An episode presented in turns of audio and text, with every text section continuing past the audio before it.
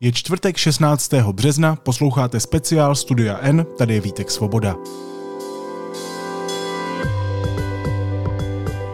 Dnes o tom, jestli českou společností hýbe nenávist. Proč je někdy tak těžké najít společnou řeč? Co nás vede k tomu, že si svoje frustrace vybíjíme na slabších? A jak vypadá misogynie po Česku? O tom na knižním festivalu v Ostravě debatovali právnička, odborářka a autorka knihy Proč jsme tak naštvané Šárka Homfrey, zmocněnkyně pro lidská práva Klára Šimáčková Laurenčíková a novinář a autor knihy Byli jsme tu vždycky Filip Titlbach. Ve studiu N vám teď přinášíme záznam debaty.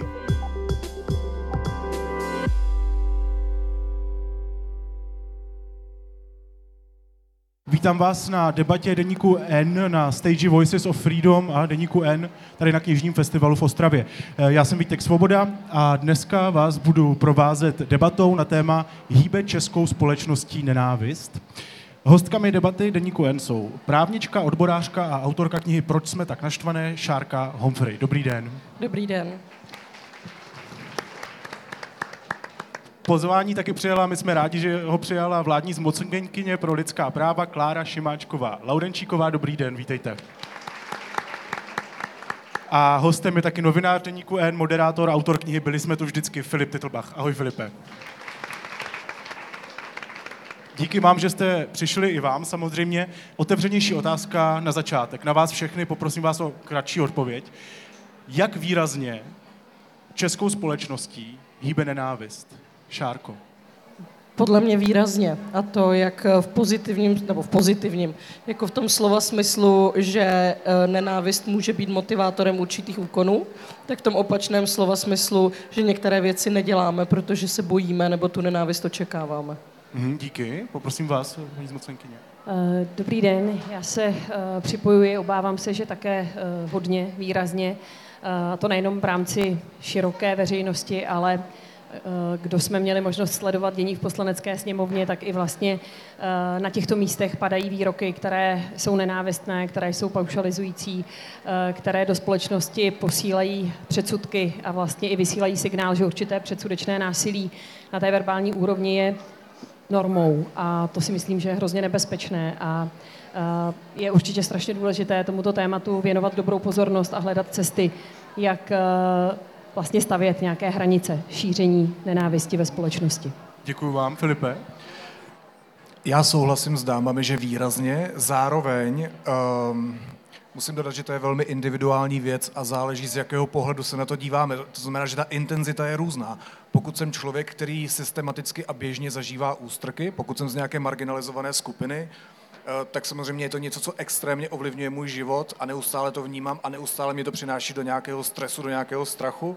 Pokud se na to dívám z pozice, řekněme, privilegovaného člověka, člověka, který je sociálně zajištěný, který nepatří do nějaké významnější skupiny, proti které jsou namířené nějaké nálady nenávistné a tak dále, tak to pro mě nemusí být prostě zas tak intenzivní a třeba to nemusím vnímat jako svůj velký problém. A druhá věc je ještě, jestli se na to koukáme z nějakého globálního pohledu, eh, když se podíváme většinou je to tak směrem na východ od nás, eh, do těch států, jako je Rusko, Čečensko, i Slovensko třeba, Polsko, eh, tak tam ta nenávist z objektivního pohledu asi je větší nebo je v něčem jako intenzivnější. Když se podíváme na západ, tak tam už i právně možná paní Laurenčíková potom dokáže porovnat. Eh, je to jako líp zabezpečený, aby se tohle nedělo a zároveň i čím demokratičtější a čím liberálnější ten stát je, tím míň se ta nenávist děje. To, to je vědecky, vědecky podmíněné. Takže já to vidím takhle jako rozvrstveně různě. Rozumím, děkuji vám za odpovědi. Eh, paní Šimáčková Laurenčíková, my jsme tady bavíme o nenávisti, což je takový pojem, který může chápat každý velmi různě, eh, takže by bylo podle mě dobré se nejdřív ujasnit, o čem se bavíme. Já jsem si to tady vypsal. Termínem hate speech se rozumí veřejný projev, který podněcuje, propaguje nebo ospravedlňuje nenávist vůči jednotlivcům nebo skupinám osob. A to na základě příslušnosti k určitému pohlaví, národnosti, náboženskému vyznání, etniku nebo sexuální orientaci nebo identitě. Um, tohle je nějaká obecná definice, uh, zároveň v ní jsou konkrétní lidi. Um, koho konkrétně eh, se hate speech v Česku nejčastěji týká? Víme to? Eh, rozumíte? Já předpokládám, že u etnických menšin to budou Romové, jak je to dál? Eh, tak eh, vlastně ty nenávistné komentáře, hate speech, eh, nenávistné projevy v tom veřejném prostoru, vlastně terčem těchto projevů jsou určitě častěji ženy než muži, to znamená ženy jako takové. Potom velmi často lidé se zdravotním postižením, také určitě prchlíci nebo skupina lidí, kteří tedy mají nějaký migrantský původ, dostávají se sem na území České republiky z nejrůznějších důvodů. Eh, taktéž už zmiňovaní zástupci různých etnických menšin eh, a eh, samozřejmě bohužel, a tady navážu na, na kolegu, skupina, která je terčem předsudečného násilí, výrazně často jsou také LGBTIQ plus lidé, a to jak na úrovni nenávistných projevů, verbálních hate speech, tak i na úrovni hate crime, to znamená nějakého násilného chování, které má častokrát i trestně právní rozměr. Děkuji vám uh, za tu odpověď. Uh, vy jste vlastně zmínila jako první věc, že ženy jsou vlastně častěji oběťmi. Uh, Šárko, já budu citovat, jo. Pokud k někomu či něčemu cítím silný despekt a reaguji agresivně, tak je to vždycky známka pocitu nejistoty, slabosti a vlastní nehodnoty. To řekla na rádiu Wave psychiatrička, psycholožka Dana Holubová nenávistné projevy míří i na ženy, to jsme si tady jasně řekli, misoginů je všude plno proč někteří muži, a možná nejen muži, nenávidí ženy? Eh, jsou slabí a nejistí, jak říká tato psycholožka? Nepochybně někteří ano. Eh, v té obecnější rovině bych řekla, že to vyplývá ehm, nejspíše z pocitu jakéhosi ohrožení vlastních nereflektovaných privilegií. Eh, pokud se bavíme o tom, že muži jako skupina jsou ehm, nositeli určitých privilegií, pak je ale důležité vědět, že každý jedinec ta privilegia nevnímá stejně, nebo z nich ani stejně neprofituje.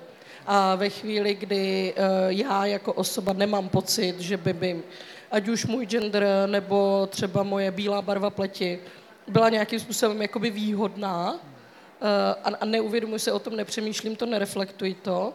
Eh, pak ve chvíli, kdy příslušník nebo příslušnice marginalizované skupiny mluví o tom, že vlastně tady tuto výhodu nemá, a jakým způsobem to na ně dopadá, s čím se v tom případě se, setkávají. Pak je asi snadné mít pocit, že mě to nějak jako ohrožuje. Že mě tady někdo atakuje z toho, že jsem vlastně jako nějakým způsobem zvýhodněn, přestože já to zvýhodnění jako necítím. Takže to je určitě jedna věc, která je taková jako v takové nevyřčené rovině. A pak samozřejmě eh, celá řada eh, konkrétních lidí se může být eh, cítit ohrožená nebo omezená i třeba něčím, na co nejsou zvyklá. I když bychom se podívali na ty úplně jako nejméně asi závažné věci, tak jenom třeba měnící se standardy od toho, co očekáváme například od partnerů v partnerském soužití, oproti tomu, co se třeba očekávalo v generacích našich rodičů už můžou eh, vyvolat jaksi pocit nějaké nespokojenosti s tím, co se v uvozovkách po mně chce. Eh, když se k tomu přidá nějaký venkovní třeba stresor, problémy v práci a podobně, ehm, pak to může, eh, může vlastně eskalovat třeba i do takové formy realizace mm, toho misogyního smýšlení nebo cítění, jako je třeba domácí násilí. Zase děkuji za tu odpověď. Zajímá mě, pro lidi, kteří opravdu, a těch je hodně, i v mém okolí, i v mé bublině, eh, kteří si neuvědomují to, že být žena znamená nemít nějaké privilegium, kteří tomu nevěří, nebo kteří to i popírají v nějaké, v nějaké té maximalizaci toho. Mohla byste přiblížit, jak vypadá misogynie po Česku v nějaké každodennosti? Jako s čím se to, rozumíte, nějak srozumitelně, s čím se potýkají ženy v české společnosti? Když bych to řekla, jinak já se omlouvám za svou hlasovou indispozici, tak aby um, nemělo diváctvo pocit, že tady cucám bonbon jako z neúcty k ním, tak je to z důvodu nachlazení. Pořádku. Um, když bych to vzala velmi jako jednoduše, tak u žen se očekává automaticky, že budou matky v životě, což uh, na tom není jakoby nic špatného principiálně, ale za prvé se to očekává jako automaticky, jako poslání, které každá žena chce a musí realizovat, nebo de facto někdy i musí, i když jakoby nechce. Za druhé eh, je to péče, které je u nás, eh, nebo závazek, který je u nás jako jak si verbálně kladen eh, nějaký jako význam, ale reálně je to prostě strašně podhodnocený aspekt lidské činnosti, jo? jako ekonomicky, sociálně. A za třetí, um, je to zkrátka, jako reálně to vnímáno jako něco podřadného, podřadná činnost, byť si jako na že můžeme oslavovat, nebo na Den matek, jak je to jako úžasný a jak je to důležitý. A za třetí se vlastně očekává, že to um, ženě jakoby nalajnuje celý život, jo?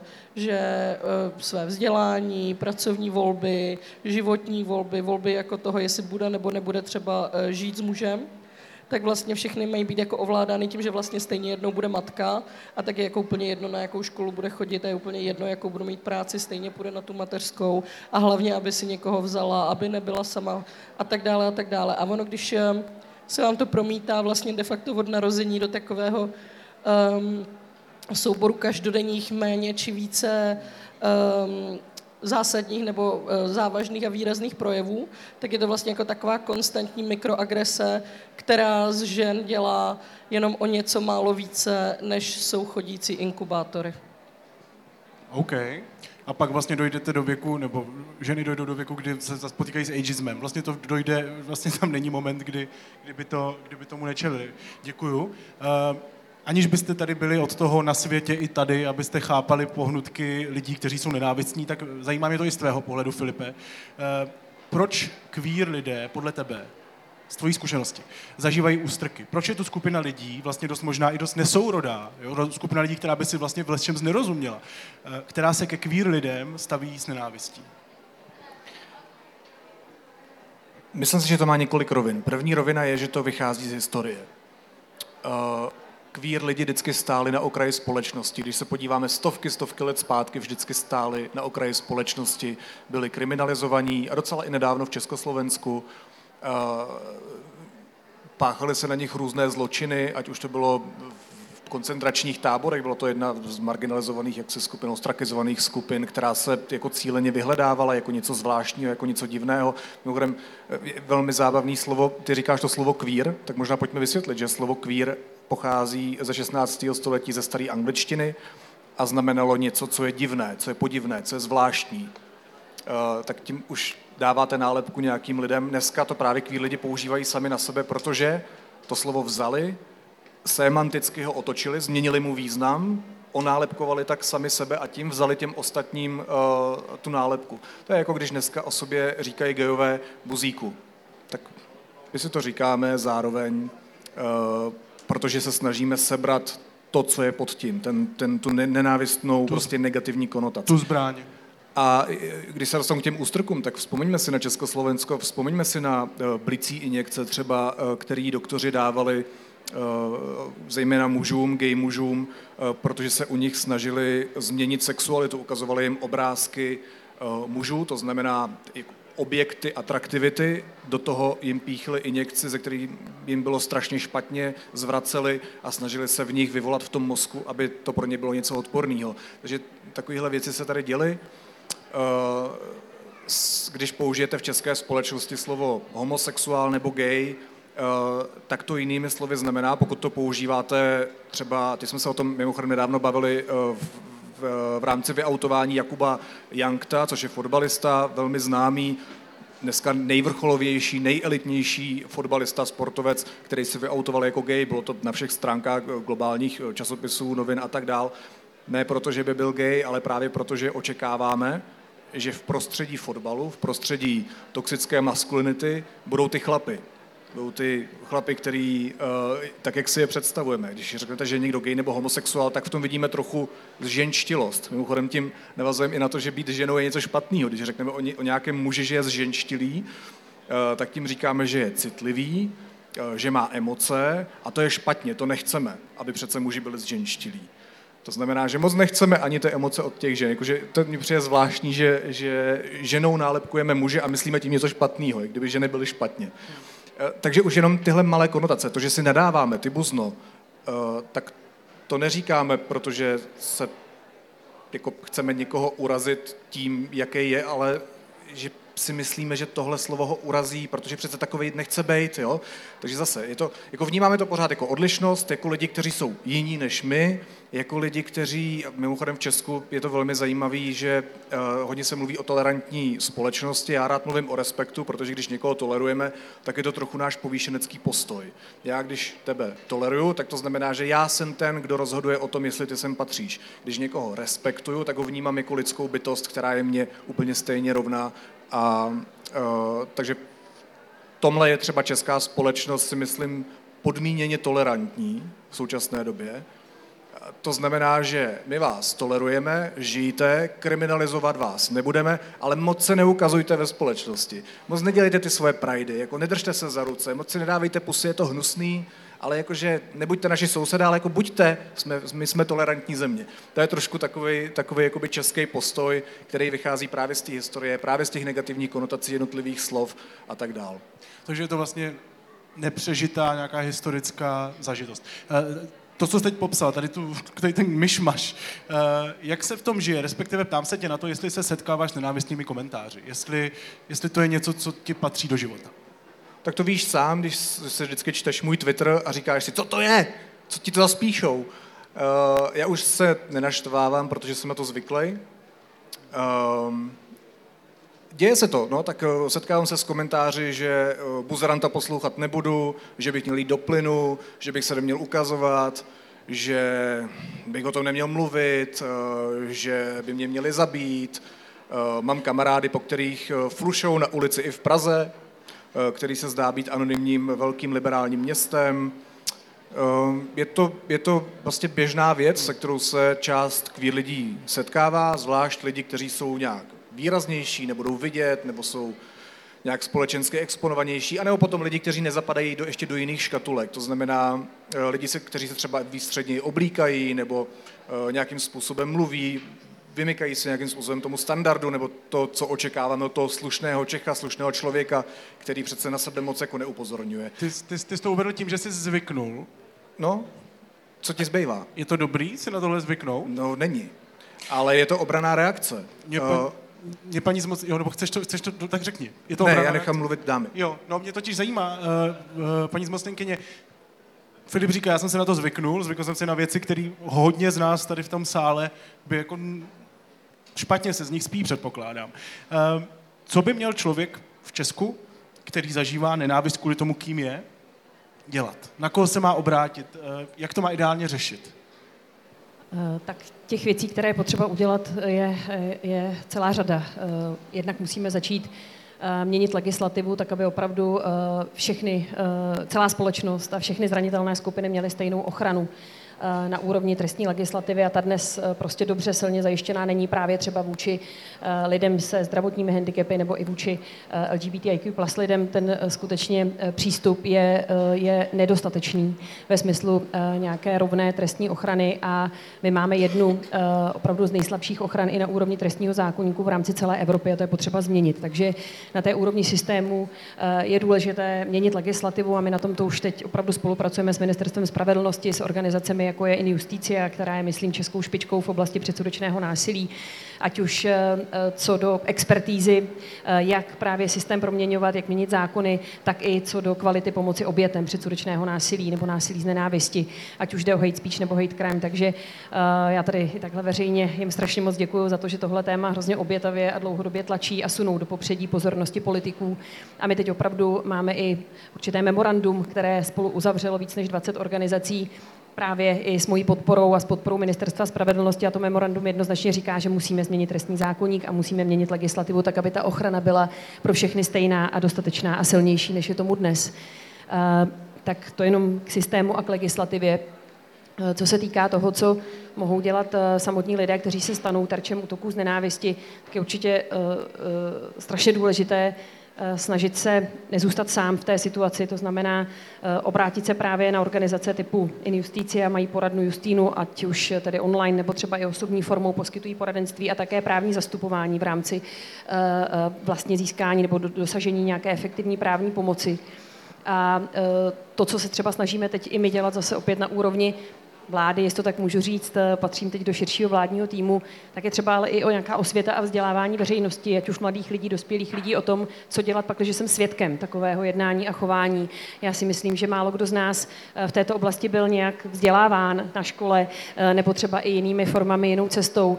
A věřím, že většina společnosti nechce přihlížet tomu, jak se děje bezpráví, jak se děje nespravedlnost, jak jsou lidé zraňováni v těch naprosto nejzákladnějších potřebách a e, že bychom měli se snažit být více akceschopní, více připravení na to, že se takové situace dějí a pokud jsme svědky e, takového jednání, chování, tak máme se pokusit něco udělat pro to, aby ten daný člověk právě sám nezůstal.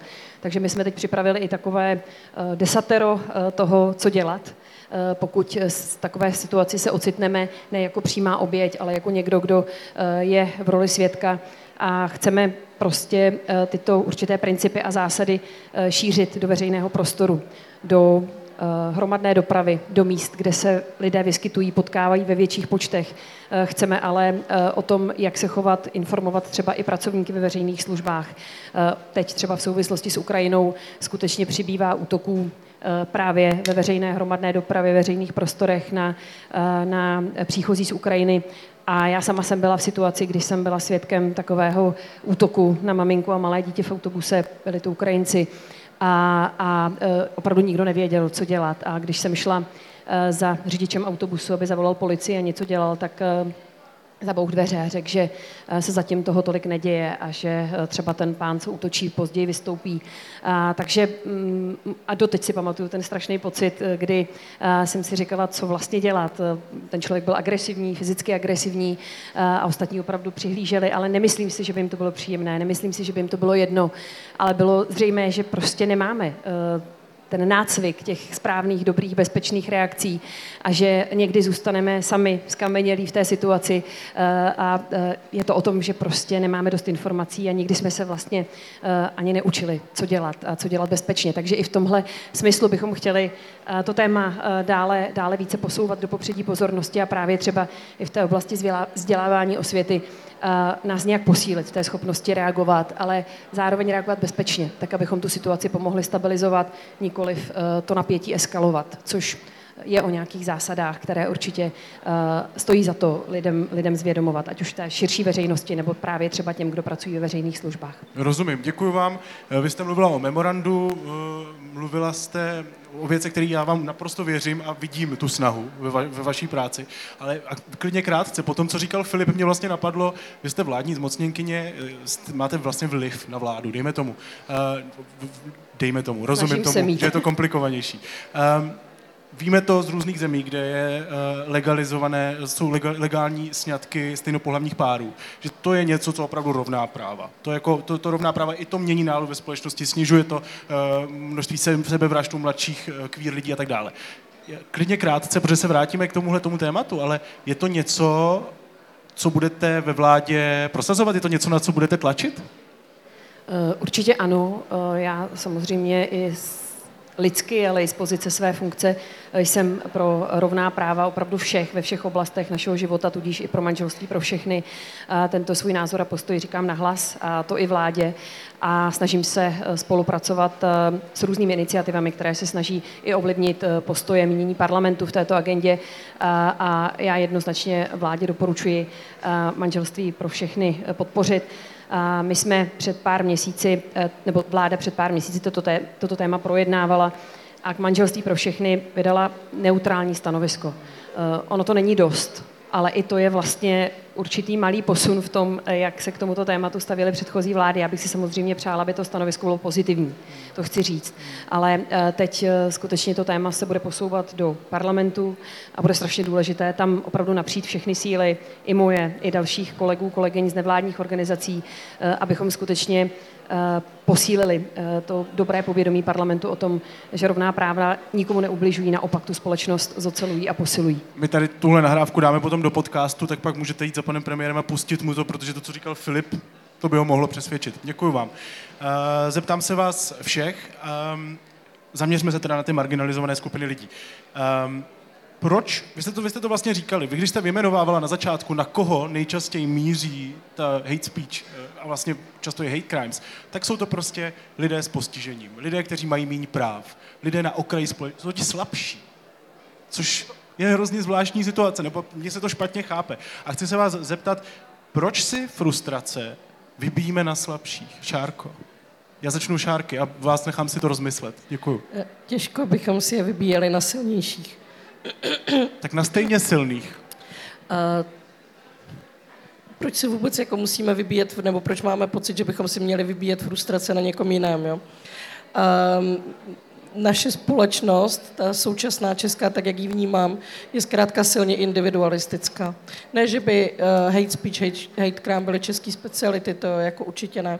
Ale já v naší společnosti vnímám jako absolutní v podstatě nedostatek solidarity, nějaké schopnosti empatie a uvědomění si toho, že nejsme soubor jedinců s ostrými lokty, ale že jsme zkrátka jako nějaký jako propojený organismus, že ta společnost je víc než jenom ten součet těch lidí.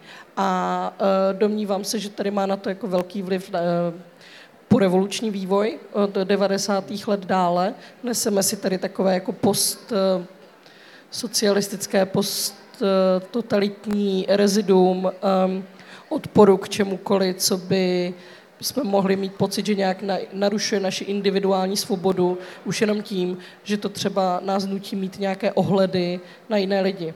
A uh, to zase není české specifikum, jo, to, když bychom se podívali do V4 nebo dále na východ, tak to tam vidíme taky uh, v určité míře.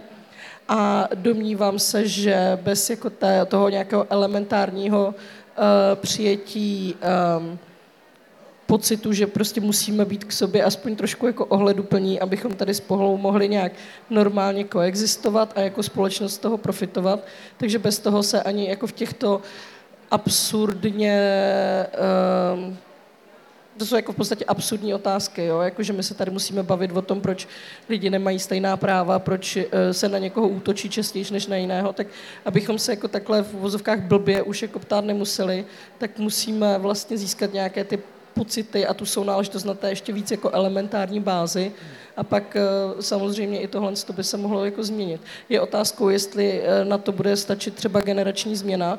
Myslím si, že není dobré čekat, až jako současně mladí lidé jako dospějou, ale musíme na tom pracovat nějakým způsobem cíleně. Já navíc vidím i v té, často mě překvapí, jak ta mladší generace umí být nerespektující. Eh, chybí nám solidarita, říká Šárka Humphrey. Co, co si myslíte vy, paní zmocněnkyně? Eh, tak já si myslím, že eh, postihnout všechny ty souvislosti by určitě potřebovalo trochu víc času, než dneska máme, ale já třeba jsem rozhodně zatížená tím, co jsem dělala předtím, než jsem se v téhle, v téhle roli ocitla, tak ale potvrzují to i nejrůznější výzkumy. Eh, a sice to, že nás opravdu strašně moc formuje to, v čem jsme sami vyrostli. A pak, když eh, velká část z nás vyrůstala v prostředí, které bylo homogenní, kde eh, diverzita, nějaká pestrost, jedinečnost nebyla třeba hodnotou, která byla nějak pozitivně komunikována nebo dokonce třeba i nějak oslavována, tak spousta z nás prostě mohla a pravděpodobně eh, se tak dělo opravdu ve větší části naší společnosti vyrůstat prostě v podmínkách, kde eh, právě chybělo eh, nějaké dobré hodnotové nastavení vůči jedinečnosti každého člověka, vůči právům každého člověka. A ještě je rozhodně velmi důležité, co jsme, co jsme zažívali sami na sobě i v oblasti našich vlastních potřeb. Jestli jsme vyrostli v rodinách a chodili do takových školek a škol, kde se někdo zajímal o to, jak se máme, jak se cítíme, co prožíváme, kde na naší individualitě záleželo a byli jsme podporováni v tom, abychom byli sami sebou, anebo eh, jestli jsme spíš byli eh, tlačeni do eh, určitých šablon, do určité unifikované normy a cokoliv, co bylo mimo tu normu, tak bylo třeba předmětem nějaké kritiky nebo někdy i opravdu třeba i přísných trestů. Takže myslím, že ta naše vlastní zkušenost obrovsky formuje to, jestli vyrůstáme v lidi, kteří jsou otevření, pozitivně naladění, sebevědomí a myslím si, že má proto velký smysl bavit se o tom, jak se žije dětem a mladým lidem tady v České republice, jak můžeme víc podpořit to, aby možná rodiny byly v menším stresu, aby Eh, aby rodiče, kteří potřebují podporu, ji dostali ideálně skrze stát, a to nejenom v oblasti třeba nějaké dávkové pomoci, ale i odborných služeb, když prochází třeba nějakou těžkou životní situací. A je určitě důležité mluvit i o tom, jak vypadá naše vzdělávání ve školkách, ve školách, na středních, vysokých školách, jak tam takovým tématům, jako je právě duševní zdraví, hodnoty, postoje, je věnována cílená pozornost. A e, poslední poznámka, e, mám pocit, neplatí to samozřejmě absolutně, ale že e, lidé, kterým se nežije dobře, kteří eh, obtížně zvládají svůj vlastní život, eh, tak eh, obvykle nemývají kapacitu na to vykazovat nějaký velký respekt, zájem o ostatní a mají třeba i určitou nižší frustrační toleranci, proto zvládat nejrůznější konflikty jinak, než třeba násilím, agresí. Takže i zájem o to, jak se tady obecně všem žije, je něco, co za mě je dobrou prevencí nějakého šíření nenávisti, protože nikdo by neměl mít pocit, že na něm nezáleží, že jeho práva a potřeby jsou jsou neviditelné a že to jediné prostředí, kde může uh, sám sebe projevit, je třeba uh, online prostředí a, a dělat to skrze nějaké útoky na kohokoliv jiného. Hmm. Děkuji vám. Uh, Filipe, stejná otázka. No, právě si říkáš stejná otázka, ale zároveň si říkal, ať nad tím podpřemýšlíme a já jsem přemýšlel tak dlouho a dostal jsem se v myšlenkách tak daleko, že vůbec nevím, na co mám odpovídat. A jo, to se stává. Proč si frustrace vybíjíme na slabších?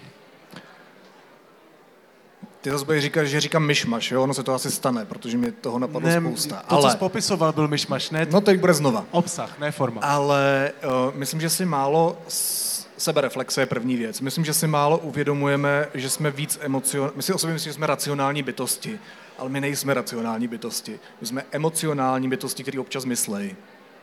To znamená, že se často necháme strhnout, a ostatní to vnímáme jako nějakými iracionálními vlivy.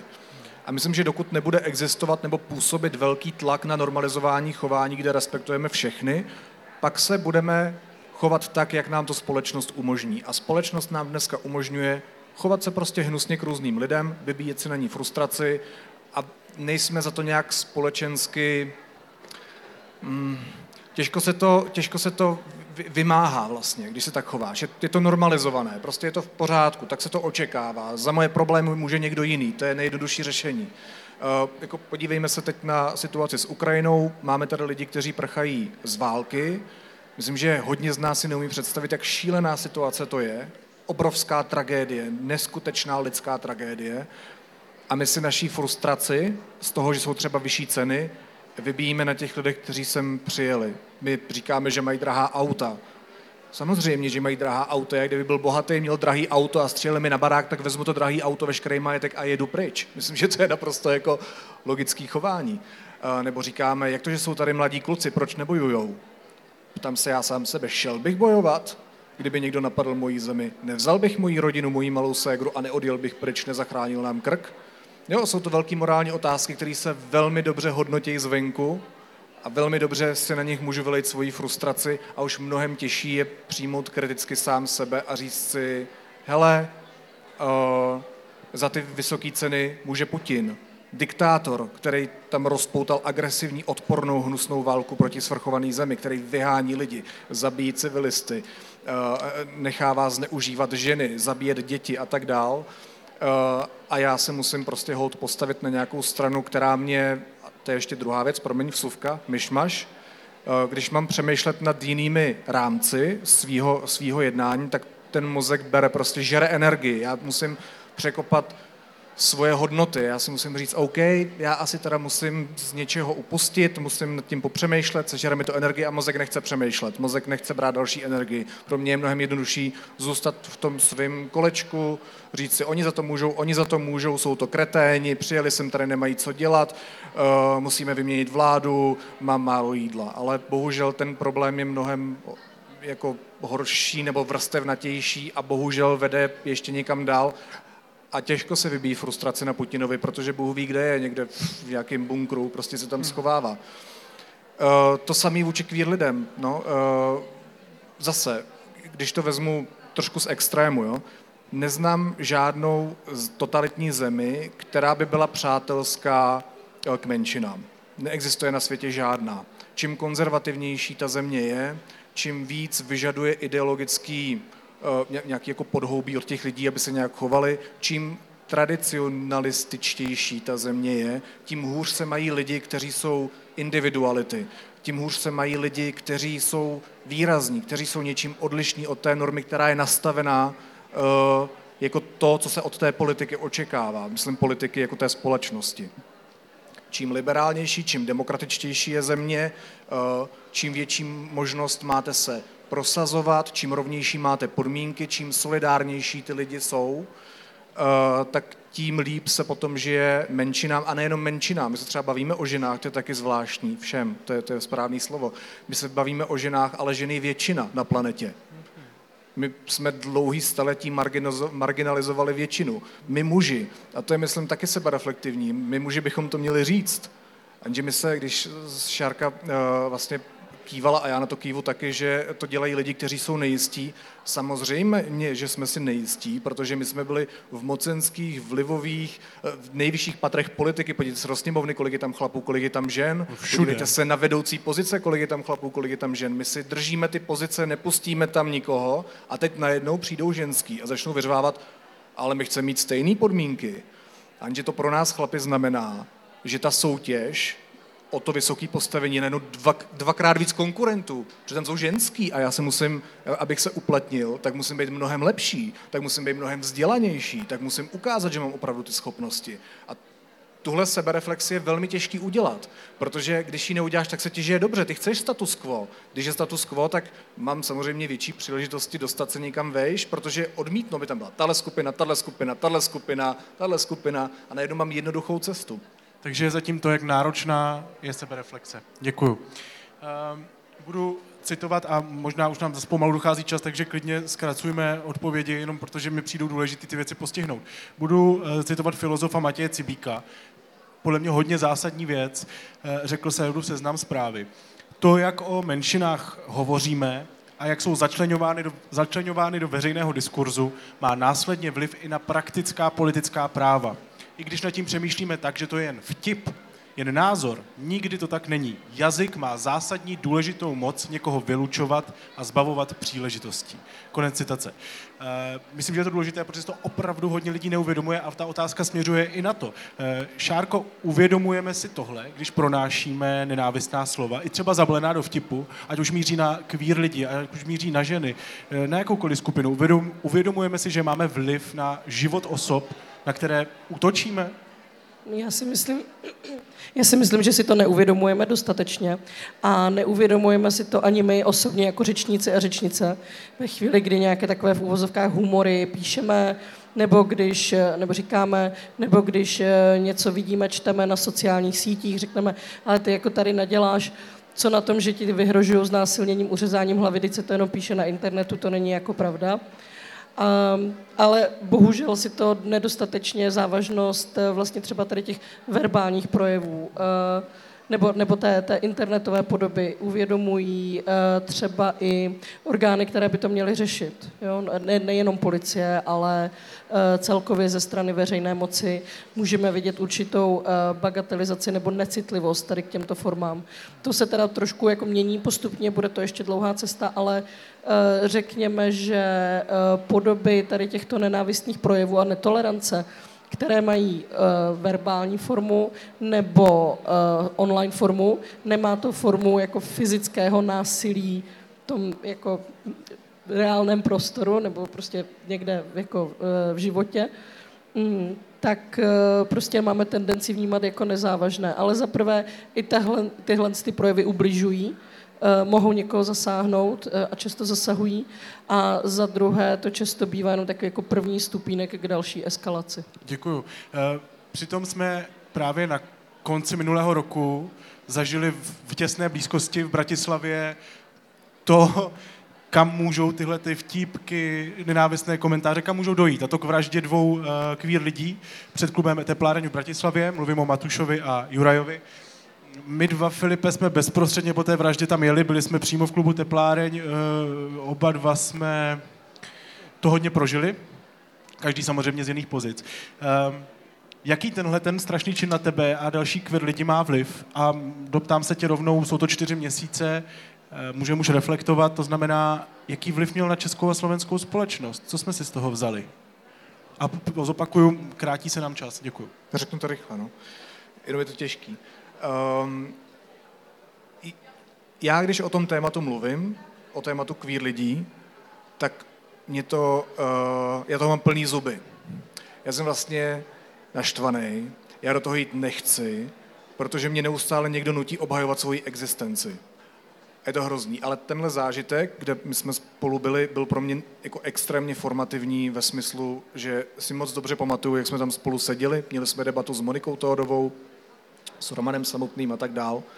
A než se zapl ten stream, tak mi šéf-redaktor slovenského deníku N, který to organizoval pár dní po té chladnokrevné vraždě, eh, tak já jsem se optal, proč za mnou stojí cedule, eh, na které byly nápisy, ještě jaká limonáda, víno, kolik co stojí. Nad tím bylo napsáno Litovel, jsem říkal, to je divný, abychom fakt tady měli nějakou reklamu ještě při tom streamu. Říkám, co tam je? A on říká, podívej se blíž. Tak jsem se podíval blíž a to bylo prostřílené těma kulkama, který mířili do jejich těl a asi za 10 sekund začal ten stream a já jsem měl mluvit s tou Monikou a tak dál. To je tak, ne, jako to je, eh, to se těžko popisuje, ale eh, když jste 20 čísel od prostřílené tabule kulek nenávisti, který mířili do někoho jenom za to, kým se narodil, když se hodinu bavíte o tom, jaký to má vliv na společnost a vy sami to ještě nemůžete mít ani zbla zpracovaný, když kolem jezdí černá dodávka a motorky, který eh, tam túrujou, abychom se báli, protože věděli o té akci. Eh, když se neustále koukáte z okna a zjistíte, že fakt máte strach v Bratislavě, jenom za to, kým jste, jenom za to, že musíte obhajovat svoji existenci, jenom za to, že musíte do kamery říkat, to není OK střílet lidi na ulici, lidi, kteří jsou mladší než já, kteří se tam šli jenom bavit a vyšli ven a ztratili život. Eh, tak to není dobrý zážitek. A já jsem zjistil, když jsme se bavili, teď samozřejmě to je mnohem lehčí téma, když se dělá nějaký humor, ale on k tomu vede, pokud je hnusný, protože zraňuje. Uh, tak já jsem zjistil, že se chovám jinak. Já jsem pár dní potom, byli jsme spolu v redakci slovenského deníku N a já jsem měl na rozhovor do RTVS, do, do slovenského veřejnoprávního rozhlasu a kolegyně Eva mi dala duhovou tašku, kterou měla sebou ve kterém měl nějaký věci, já jsem tam hodil peněženku, mobil, abych s tím rychle si mohl zavolat taxíka, odjet tam. A Monika Tohodová, kolegyně ze slovenského Enka, mi říká, pozor na taxikáře. Říkám, proč? A ona, no, jako to není úplně dobrý tady, víš, jakože dávat na odiv, takové věci. Já jsem tady jako sroloval tu tašku, jenom kvůli tomu, že byla prostě barevná. Já jsem se bál v tom klubu, koukal jsem se kolem sebe. Já když jsem zapl sociální sítě, kde byly ty hejty, tak jsem začal vnímat jinak. Předtím jsem si říkal, to je nějaký magor, anonymní, něco, OK, ať si vyleje frustraci. A jsem si říkal, ty vole, mám tady fotku, mám tady jméno, ví, kdo jsem, ví, v jaký redakci sídlím, vlastně jako v celku lehce dohledatelný. Začneš to vnímat jinak. Když půjdu ještě trošku o krok níž, úplný blbosti. To, že se ve fotbalových šatnách neustále říká buzerante, buzíku a tak dál, tak když budu so, citovat sociologa Zdeňka Slobodu, ze kterým jsme mluvili ve studiu N, tak on říkal, hele, kvůli tady tomu ty mladí kluci, kteří jsou jiní, kteří jsou Eh, tak nejdou do vrcholového sportu, když jsou výborní sportovci, protože ví, že v tom prostředí budou muset prostě nějak fungovat, protože ví, že nebudou moct říct, kým jsou, protože nebudou moct žít život takový, jaký se narodili. To znamená, že oni se podle toho zachovají. To tak zraní, že změní svůj život. Mě to tak zranilo, že jsem změnil svoje chování, že jsem se uzavřel, že jsem začal zase nebýt otevřený. Tohle to způsobuje. A co to způsobilo ze společnosti? Jako, rozumíš, my dva jsme, oba, my jsme tam byli a říkali jsme si, to už není možný tohle musí něco udělat. Když tady chce vraždit queer lidi, to prostě musí mít efekt na společnost, efekt na zákonodárce. To se mus... Co se stalo? No vy, když jste mluvila třeba o tom desateru pro lidi, tak jestli někdo potřebuje desatero, tak jsou to politici. Uh, já jsem byl naprosto jako zděšený a šokovaný z toho, že se nic nedělo, jakože nic. A spousta politiků jako pokračovala v homofobních výrocích. Já jsem, já jsem prostě čekal, že si všichni stoupnou do šiku všech 200 poslanců, 81 senátorů a všichni, kteří kdykoliv měli nějaký homofobní výkřik nebo se nepostavili za jakoukoliv menšinu, tak řeknou, já se strašně omlouvám za, spolí, za svoji spoluzodpovědnost. My uděláme všechno pro to, aby se všichni lidi v téhle společnosti nemuseli bát. Co se stalo? Nic. Tam prostě zemřeli dva malí lidi a my děláme jako, že nic, pohoda, jedeme dál. Teď se neděje, teď jsou to nějaký jiný lidi prostě. Ale do prčic, my jsme přece jako všichni jsme, já to opakuju často, já se omlouvám, že jste to někde slyšeli v nějakém jiném rozhovoru, ale my jsme všichni v menšině, jenom si to neuvědomuje. Každý z nás je v nějaký menšině. Někdo z nás se narodí malý, někdo vysoký, někdo je ze sociálně jaksi bohatý rodiny, dejme tomu finančně bohatý rodiny, někdo je prostě z chudý rodiny, nemůže za to, má tu laťku prostě nastartovanou jinak, někdo je žena, někdo je muž, někdo je kvír, někdo ne, někdo je s postiženým, někdo ne, někdo je plešatý, někdo ne. Všichni budeme starí. Všichni prostě, pokud neumřeme dřív. Seniori jsou Eh, jako velmi často na okraji společnosti. Nemají peníze, nemají kontakty, nemají sociální zázemí a tak dále. Všichni v té menšině budeme, pokud zestárneme a pokud se nám nepodaří naschromáždit uh, takový sociální okruh, který nám pomůže a tolik peněz, uh, abychom v klidu prostě dožili náš život a budeme žít v tom disrespektu. Myslím, že si často neuvědomujeme, že, neuvědomujeme, že se to týká nás všech, nebo minimálně jednou bude. Takže ta abych ti odpověděl na tu otázku, myslím, že jsem byl dlouhý. Eh, myslím si, že ta reakce politiků, zejména politiků, protože ryba fakt v tomhle případě smrdí od hlavy, eh, a myslím, že bychom si to měli jako naprosto jasně říct, že každý politik, který se vůči tomu nevymezil nebo něco pro to neudělal, má z mého pohledu krev na rukou. Každý. A ten, kdo byl ještě homofobní, tak o to víc a má tu spoluzodpovědnost úplně jasnou na jakýmkoliv takovým lečinu. Eh, takže ta reakce podle mě byla naprosto nedostatečná, jak společensky, eh, tak politicky, nejenom na Slovensku, ale i v Česku. Děkuji za tu odpověď. Vy jste chtěla reagovat, paní Mosnikyně, nebo se mi to zdálo? Můžete, nerad to říkám, ale krátce. Děkuji.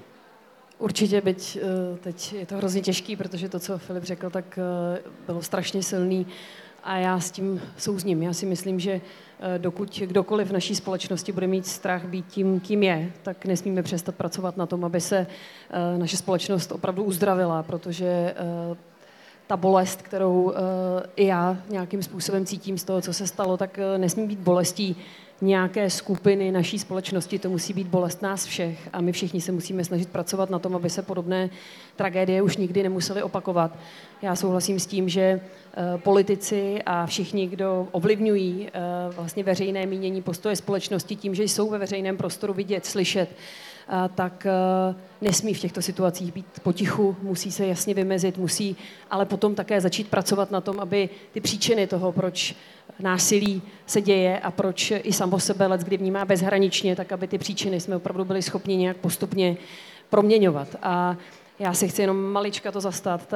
Souhlasím s tím, že ta reakce měla být plošná a mnohem větší, ale eh, vím, že třeba na velkém schromáždění na Václavském náměstí vystupovali někteří předseda Senátu, ministr vnitra se vymezil, policejní prezident, ti všichni opravdu slibovali, že se tématu eh, předsudečného násilí eh, budou věnovat, eh, distancovat, nebo jako jasně dávali najevo nějakou spoluúčast s tím, k čemu došlo v Bratislavě. Nechtěla bych jenom paušalizovat v tom smyslu, že to všem bylo jedno a nikdo se nevymezil, a nikdo se nevyjádřil. Se to, pardon, že vás přeču, stalo se to? Stalo se nějaký reálný, či, rozumíte, Já jako promítlo se to do reality? Tohle, je, tohle je fakt málo. Já říkám, že je to málo, jenom chci říct, že mně přijde fér uh, nebýt úplně černobílý v těch vyjádřeních, že nikdo. A uh, chci jenom opravdu poukázat na to, že takový někteří se našli, ale souhlasím s tím, že to bylo málo a že by bylo skvělé, kdyby skutečně se celá vláda, celá poslanecká sněmovna dokázala vyjádřit jasně, silně, postojově, hodnotově. S váma naprosto souhlasím. Jenom opravdu chci, říct, že, chci říct, promiňte, že uh, některé konkrétní věci se opravdu dějí, my teď skutečně se potkáváme se spravedlností a s investicí, s dalšími partnery, řešíme, jak právě i měnit trestní legislativu, aby skutečně podobné hrůzy eh, se nemusely opakovat, aby eh, oběti předsudečného násilí eh, byly lépe chráněné, aby skutečně jsme měli férově nastavený systém trestních postihů, které souvisí s pohnutkou násilí. Takže není to tak, že by se nedělo vůbec nic, ale souhlasím s tím, že se toho musí dít hrozně moc. O, o, pardon, oba dva chcete reagovat, je to nešťastné, že se nám to rozjelo takhle na konci a máme opravdu málo času, tak poprosím o krátkou reakci. Velmi krátká reakce. je to málo, ne, nestalo se nic. Já nechci nějak delegitimizovat eh, vaši uh, činnost, ta je velmi důležitá ale abychom eh, od politiků slyšeli dvě neříkající nebo bezobsažné věty, za níž nenasledoval ani jeden jediný konkrétní čin, a nedej bože, že by to ostatní ještě uh, alespoň um, verbálně podpořili, tak to zkrátka je neakceptovatelné. A pořád tady to znamená, a tím, že budeme tedy říkat, že 0,1 není to též co nula, tak eh, pořád jenom jako omlouváme svoji existenci a pořád tady musíme uh, příliš po špičkách našlapovat ohledně těch, kteří mají v ruce všechny nástroje a nepoužili ani jeden. Mně to prostě nestačí. Mně to taky nestačí. Eh, já jsem jenom chtěla se zastat těch, kteří se ozvali, kteří svůj jasný postoj do té společnosti vyslali a souhlasím s tím, že to má být mnohem více politiků, že ty postoje a názory uh, homofobní skutečně uh, nesmí být něčím, k čemu je kdokoliv hostejný a že musí následovat konkrétní kroky, konkrétní akce. To rozhodně ano. Jenom rychlá reakce, pardon, omlouvám se. Uh, já jenom před to, co teď chci říct, uh, tak musím říct, že si vážím vaší práce a že moc děkuju za to, jaký postoje zastáváte. Jenom se musím ohradit proti, proti tomu, jak já to vnímám z mého jako subjektivního pohledu. Uh, je to tak, že pokud my, my žijeme v zemi, kde lidi nemají stejná práva, kde není manželství pro všechny, kde sterilizujeme trans lidi. Mimochodem včera nebo převčírem tohle Slovensko zrušilo. My jsme jedna z posledních zemí v Evropě o studně, která sterilizuje trans lidi jenom kvůli tomu, že jim změníme v občance M na F nebo F na M, male na female a naopak. My v crime crimeu nemáme zakotveno, uh, že se může týkat queer lidí, lidí ze sexuálních menšin. Uh, to je přece jako nehorázný. Já, mě, mě v životě nikomu z nás nemůže stačit, že někteří jednotlivci si napíšou na Twitter nebo na Facebook status potom, co zavraždí dva lidi, kteří leželi mrtví prostřílení na ulici. To nestačí ani náhodou. Dokud nebudou narovnané podmínky, dokud tyhle lidi systematicky nebudou podporovat všechny menšiny ve společnosti. Systematicky. Ne po tragédii. Systematicky pak mi nemůže stačit status na Facebooku a já, jako člověk, který tohle systematicky zažívá, to můžu brát tak, že to píšu jenom kvůli tomu, aby se zalíbily části liberální společnosti. Takže pokud nevidím za tím člověkem konkrétní práci, konkrétní legislativní změny, konkrétní vymezení se ve všech případech, které se toho tématu týkaly, jinak si přece budu myslet, že se to týkalo jedné události a to bych si snad nerad myslel o našich uh, politicích, kteří nás zastupují všechny v téhle zemi, Eh, pak ta práce přece musí být naprosto systematická, naprosto jasná a ne využití, a já nevím, jestli využití, zneužití nebo cokoliv jiného, situace dvou lidí, kteří už tady nejsou, kteří nežijí, a ještě jednou opakuju, a omlouvám se, že to říkám tak tvrdě, ale byli mladší než já a leželi mrtví na ulici. Takže pokud politici nenarovnají práva, pak uh, pak pardon, ale já, já to tak nevidím. Ale já v tom s váma naprosto souhlasím. A uh, to narovnání práv je něco, o co i já se chci samozřejmě snažit. A kde v tuhle chvíli se ale celá řada věcí opravdu děje. Vy jste zmínil ale kastrace. Slova nestačí Promiňte, po ne, tragédii. Ne, já, já naprosto chápu, že až tady budeme za rok, za dva, tak bude důležité mluvit o tom, co se opravdu podařilo, co se kam propsalo na úrovni zákonů, legislativy, pevně nastavených postupů. Jenom zmínil jste kastrace. Eh, v tuhle chvíli máme podporu ministra vnitra, ministra spravedlnosti v tom, abychom tuto příšernou praxi, která je i eh, mezinárodními lidskoprávními institucemi označována za mučení, abychom ji zkusili zastavit, abychom skutečně změnili legislativu. Máme připravenou uh, vlastně redefinici zákona, tak aby skutečně kastrace nebyla podmínkou úřední změny pohlaví. Spolupracujeme s Transparentem a s dalšími partnery, aby toto téma se posouvalo kupředu. Jenom jsem se snažila vyjádřit, že to není tak, že bychom byli slepí, hluší a že bychom se o nic nesnažili. Snažíme se, ale souhlasím s vámi, že to musí být mnohem víc a že těch, kdo uh, stojí jasně hodnotově s námi na té cestě, musí být daleko víc, než je tomu dneska. To naprosto souhlasím. Děkuji, děkuji vám všem i za ty reakce. Um, máme hrozně málo minut. Já se vás zeptám, je tady někdo, kdo opravdu nutně potřebuje položit otázku? Kdo cítí strašlivou potřebu a nemůže bez toho žít? Je tam. Tak byla jste první, bohužel jste byl druhý. Máme prostor na jednu otázku, je to velmi exkluzivní záležitost. Jestli bychom se mohli vzájemně přiblížit. Jo, děkuju. Dobrý den, děkuji moc. Eh, já bych se ráda zeptala hlavně ohledně té legislativní úpravy na, eh, vlastně v trestní oblasti, rozumím všem těm ostatním, jestli se bavíme spíše o postihování předsudečného násilí nebo nenávisti.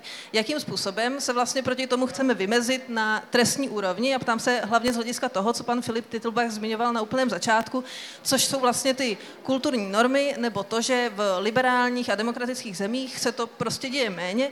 A já se vlastně ptám, eh, zda není kontraproduktivní ty projevy zákonně omezovat. Zda vlastně proti těm hnusným věcem nemusíme bojovat způsobem, který úplně nezahrnuje nějaké zakázání verbálních vlastně projevů. A nebo zase bavíme o trestním omezení násilí ve smyslu fyzického, anebo těch věcí, jako je vyhrožování a tak dále. Děkuji moc. Pochopil jsem, že to je otázka Děkuju. na mě, nebo uh, paní ukazovala na mě, tak já se pokusím jenom rychle odpovědět za sebe. Odpovídej. Uh, musíme rozlišovat. Uh, teď, teď uh, ke konci jsem mluvil o hate crimeu, to znamená o tom uh, výčtu věcí, a opravdu jako fyzického násilí na, na tom člověku, kde tohle zakotveno v trestním řádu nemáme a myslím si, že to je obrovská chyba. The hate speech, eh, tam jsou zmíněné sexuální menšiny, otázka je potom praxe. A já jako novinář se snažím popisovat realitu, abych ji mohl popsat, tak se s těma lidma bavím. A ti lidé, eh, kteří jdou na tu policii, tak se často na těch místních odděleních setkávají s ohromným nepochopením, eh, nebo v tom soudním procesu nedojdou tam, kam by podle toho výkladu zákona zřejmě dojít a podle hodnot naší společnosti měli. Takže jako, i když máme právně zakotvené některé věci, tak se nedějou. Ano, asi bychom měli jednat jinak, abychom nemuseli vymáhat právo, pokud by byla společnost civilizovaná natolik, že respektuje všechny, možná by to nebylo, nebylo jako potřeba. A pokud se potom bavíme o těch menších věcech, než je nějaké násilí, to znamená nenávistné projevy, tak jako z mého pohledu pojetí slova, pojetí svobody slova nemůže být někde absolutní, protože se vždycky potom můžete dotknout druhého člověka a můžete mu způsobit obrovské komplikace a můžete ho neskutečně zranit. Já si myslím, že eh, svoboda slova opravdu končí tam, kde toho druhého zraňujete. A uh, jako v tomhle případě, pokud se ta společnost tak nechová, tak od toho je tady právo, od toho je tady nějaká společenská smlouva, nějaké podmínky, na kterých se všichni shodneme a, a my jsme se prostě shodli na tom, že ostatním se nenadává, že ostatním se nevyhrožuje smrtí. Um, Ideálně neubližuje. Filipe, Ideálně děkuju. neubližuje vůbec. Šárka Humphrey chtěla jednou větu a, a paní zmocněnkyně asi taky. A Já pak jsem odpověděl teda. Já, já bych zmínila, že kromě trestní eh, legislativy tady máme ještě přestupkovou legislativu, která v současné eh, podobě také na hate speech částečně pamatuje. A eh, ta je z mého pohledu taková jako opomíjená. Přitom projednání přestupku může sloužit jako velmi důrazný signál toho, že prostě jednání není OK, pokud už jeho pachatel není schopen si to uvědomit i bez té sankce a bez toho postihu. Takže ještě to je jaksi oblast práva, ke které si myslím, že by mohla být přitáhnuta větší pozornost. Díky, paní Smysl. Bych možná jenom ještě doplnila, že eh, to, co je pro nás inspirativní v tuhle chvíli ve vazbě na změnu legislativy, je eh, slovenský model, eh, který vlastně zavádí univerzální zvláštní přitěžující okolnost do obecné části trestního zákonníku a skutečně daleko lépe, daleko spravedlivěji chrání všechny ohrožené skupiny před, před útoky z nenávisti, před násilím, než jak to dokáže v tuto chvíli naše česká legislativa. Takže my bychom chtěli touto cestou jít. Je to nějaký ideální legislativní model, který bychom chtěli v tuhle chvíli představit i eh, těm klíčovým ministerstvům a, a eh, jejich deklarovaná podpora zazněla i na konferenci, která se k hate crime a k hate speech konala zhruba před třemi týdny právě v Praze. Takže doufám, že snad se některé konkrétní věci opravdu rozhýbou a my se budeme snažit, aby se to stalo co nejrychleji. Děkuji. Děkuji vám. Eh, hostkami debaty Deníku N byly právnička, odborářka, autorka knihy Proč jsme tak naštvané Šárka Humphrey. Děkuji vám moc. Hovořili jsme taky se zmocněnkyní pro lidská práva, vládní zmocněnkyní eh, Klárou Šimáčkovou Laurenčíkovou. Moc krát vám děkuji, že jste přišla. A hostem byl taky eh, novinář Deníku N a autor knihy Byli jsme tu vždycky Filip Titlbach. Filipe, děkuji ti taky.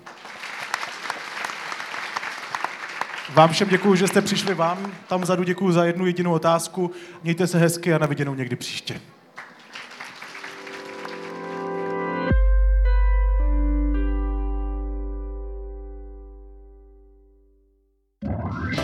Ahoj, tady Rosťanovák z Cirkula Putika. Zvu vás na naše nové představení Horáček Gen XYZ. Známé texty Michala Horáčka zazní v nových hudebních aranžích od Vladimíra 518, Báry Polákové, Ondřeje Rumla, Katarzie 7x3, Alberta Romanutyho a dalších. Čeká vás hudba, akrobacie a hlavně zážitek, co spojí všechny generace. Od 19. do 25. dubna. Více na www.azyl78.cz